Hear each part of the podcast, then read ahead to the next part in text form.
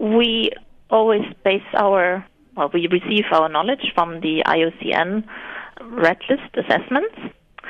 And um, under these assessments, there was one done for uh, lion in 2015 and the southern African countries, and that in, includes some South Africa, but also Botswana, Namibia, and Zimbabwe.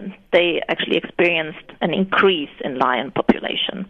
However, the rest of um, lion range states um, saw a decrease in lion populations, and um, that was more than um, 50%.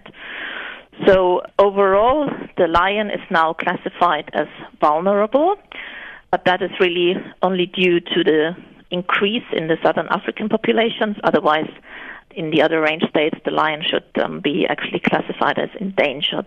Nobbe sê Suid-Afrika was een van die lande wat teenstand gebied het teen die voorstel. Sy sê egter dat die spesies se toevoeging tot die kwesbare spesieslys nie enige impak op die bedryf plaaslik sal hê nie.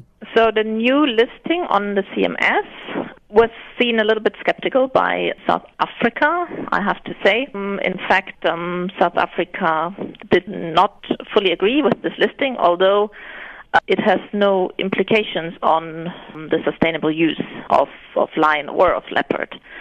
It only means that um, range states um, uh, should collaborate for the conservation of these species.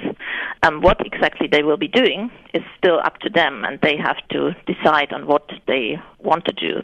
Um, so the, this joint initiative does not create anything, any new obligations. So under CITES, there is already some very concrete uh, conservation measures um, that parties have decided, and these very same measures are now also taken on by the CMS parties. So the two conventions are going to work together to implement those um, conservation measures.